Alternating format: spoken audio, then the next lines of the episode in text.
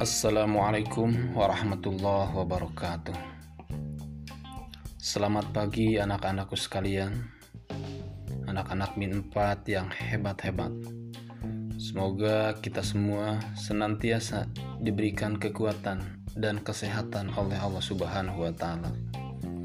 Terutama di tengah pandemi Covid-19. Kali ini semoga kita dan keluarga kita dijauhkan dari segala macam penyakit dan wabah yang senantiasa berada di sekeliling kita. Oleh sebab itu, doa yang terpenting kita panjatkan kepada Allah di dalam setiap kesempatan, terutama setelah melaksanakan sholat, baik sholat fardu ataupun sholat sunat. Karena segala sesuatu berasal dari Allah dan akan kembali kepada Allah. Wabah ini berasal atau diciptakan oleh Allah, dan Allah pula yang akan menghilangkan wabah ini. Kita harus yakini hal itu. Anak-anakku sekalian, pada siaran podcast kali ini, pembelajaran daring melalui aplikasi siaran yang kita gunakan yaitu melanjutkan materi kegiatan pembelajaran yang sudah dilaksanakan pada minggu yang kemarin. Di mana minggu kemarin kita sudah menyelesaikan kegiatan pembelajaran tema 1, subtema 1, pembelajaran 1 sampai dengan 6. Nah, kali ini kita akan lanjutkan dengan pembelajaran tema 1, subtema 2, pembelajaran yang keempat di mana fokus bahasan kita kali ini yaitu akan membahas masalah kenampakan alam dan kenampakan buatan. Sebagaimana kita ketahui bahwa negara kita, negara Indonesia ini adalah negara yang sangat luas. Negara yang subur makmur gemah ripah loh jinawi. Dari Sabang sampai Merauke, itu terdiri dari ribuan pulau. Oleh sebab itu, kita perlu membahasnya dengan bahasan kenampakan alam dan kenampakan buatan. Yang akan dibahas adalah definisi kenampakan alam dan kenampakan buatan beserta dengan contoh-contohnya. Baik, anak-anakku sekalian, kita mulai dengan pembahasan yang pertama, yaitu kenampakan alam. Apa itu yang disebut dengan kenampakan alam? Bahwa kenampakan alam adalah segala sesuatu yang terbentuk secara alami melalui peristiwa alam tanpa campur tangan manusia. Contohnya seperti apa? Yang termasuk kenampakan alam, contohnya seperti gunung atau pegunungan. Yang kedua, seperti laut atau lautan. Yang ketiga, contohnya seperti selat, pantai, danau, dan sejenisnya. Nah, gunung, laut, selat, pantai, dan danau itu merupakan kenampakan alam karena semuanya terbentuk secara alami tanpa ada campur tangan manusia. Sebelum kita diciptakan, gunung sudah ada terlebih dahulu. Laut sudah ada terlebih dahulu, begitupun selat, pantai, dan juga danau. Itu diciptakan oleh Allah melampaui usia kita. Lalu kita bahas tentang gunung. Gunung apa saja yang ada di Indonesia ini banyak sekali. Dari mulai Sabang sampai Merauke itu banyak sekali gunung dari yang besar sampai dengan yang kecil. Di lingkungan kita, di sekitar kita saja juga banyak gunung. Ada Gunung Jayanti, ada Gunung Salak, perbatasan Sukabumi dengan Bogor. Di Cianjur, ada gunung gede, bahkan di daerah-daerah lain pun ada. Ada gunung Galunggung, ada Gunung Merapi. Nah, ini adalah gunung yang terbentuk secara alami, maka disebut dengan kenampakan alam. Yang kedua, laut. Laut adalah sumber kekayaan Indonesia. Menurut para ahli, luas wilayah Indonesia itu dua pertiganya terdiri dari lautan. Oleh sebab itu sangat besar kekayaan laut kita kalau dimanfaatkan dengan benar insya Allah akan men mensejahterakan seluruh lapisan rakyatnya terutama para nelayan. Yang berikutnya ada selat.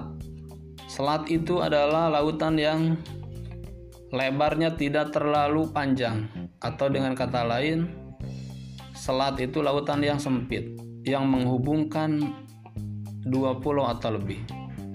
Contoh di kita ada namanya Selat Sunda. Selat Sunda itu adalah selat yang menghubungkan antara pulau Jawa dengan pulau Sumatera. Nah, makanya jangan heran ketika eh, kita atau keluarga kita pernah ke daerah Sumatera atau Kalimantan ke eh, akan melalui Selat Sunda. Nah, itu selat yang menghubungkan Pulau Jawa dengan Sumatera. Itu panjangnya kurang lebih 30 km. Jadi selat itu tidak terlalu luas. Yang berikutnya ada Selat Malaka. Nah, di mana Selat Malaka itu selat yang menghubungkan antara Pulau Sumatera dengan negara tetangga kita, Singapura dan Malaysia. Itu merupakan penampakan alam. Yang berikutnya pantai. Pantai itu adalah e, daratan yang berbatasan langsung dengan lautan atau bibir pantai atau lautan yang biasa kita kunjungi sebagai tempat rekreasi, tempat wisata itu namanya pantai. Banyak sekali di kita pantai yang bisa dijadikan tempat rekreasi. Di Pelabuhan Ratu ada pantai Citepus, ada pantai Karanghau, bahkan ke Geopark sana, ujung genteng, banyak sekali pantai yang bisa kita kunjungi sebagai tempat wisata. Nah, ini adalah terbentuk secara alami tanpa campur tangan manusia. Yang berikutnya ada danau. Di Indonesia memiliki danau yang sangat besar dan terkenal yang berada di Pulau Sumatera yaitu Danau Toba. Itu pun sama, terbentuk karena alami. Itu bisa dimanfaatkan sebagai wahana rekreasi dan wahana wisata. Nah, anak-anakku sekalian, itu semua merupakan kenampakan alam yang terbentuk secara alami. Sekarang yang kedua, kenampakan buatan. Kenampakan buatan itu adalah segala sesuatu yang sengaja dibuat oleh manusia untuk memenuhi hajat atau kebutuhan hidupnya. Apa saja yang termasuk ke dalam kenampakan buatan ini? Yang pertama ada yang disebut dengan waduk atau bendungan. Yang kedua ada kebun binatang. Yang ketiga ada bandar udara. Yang keempat ada perkebunan.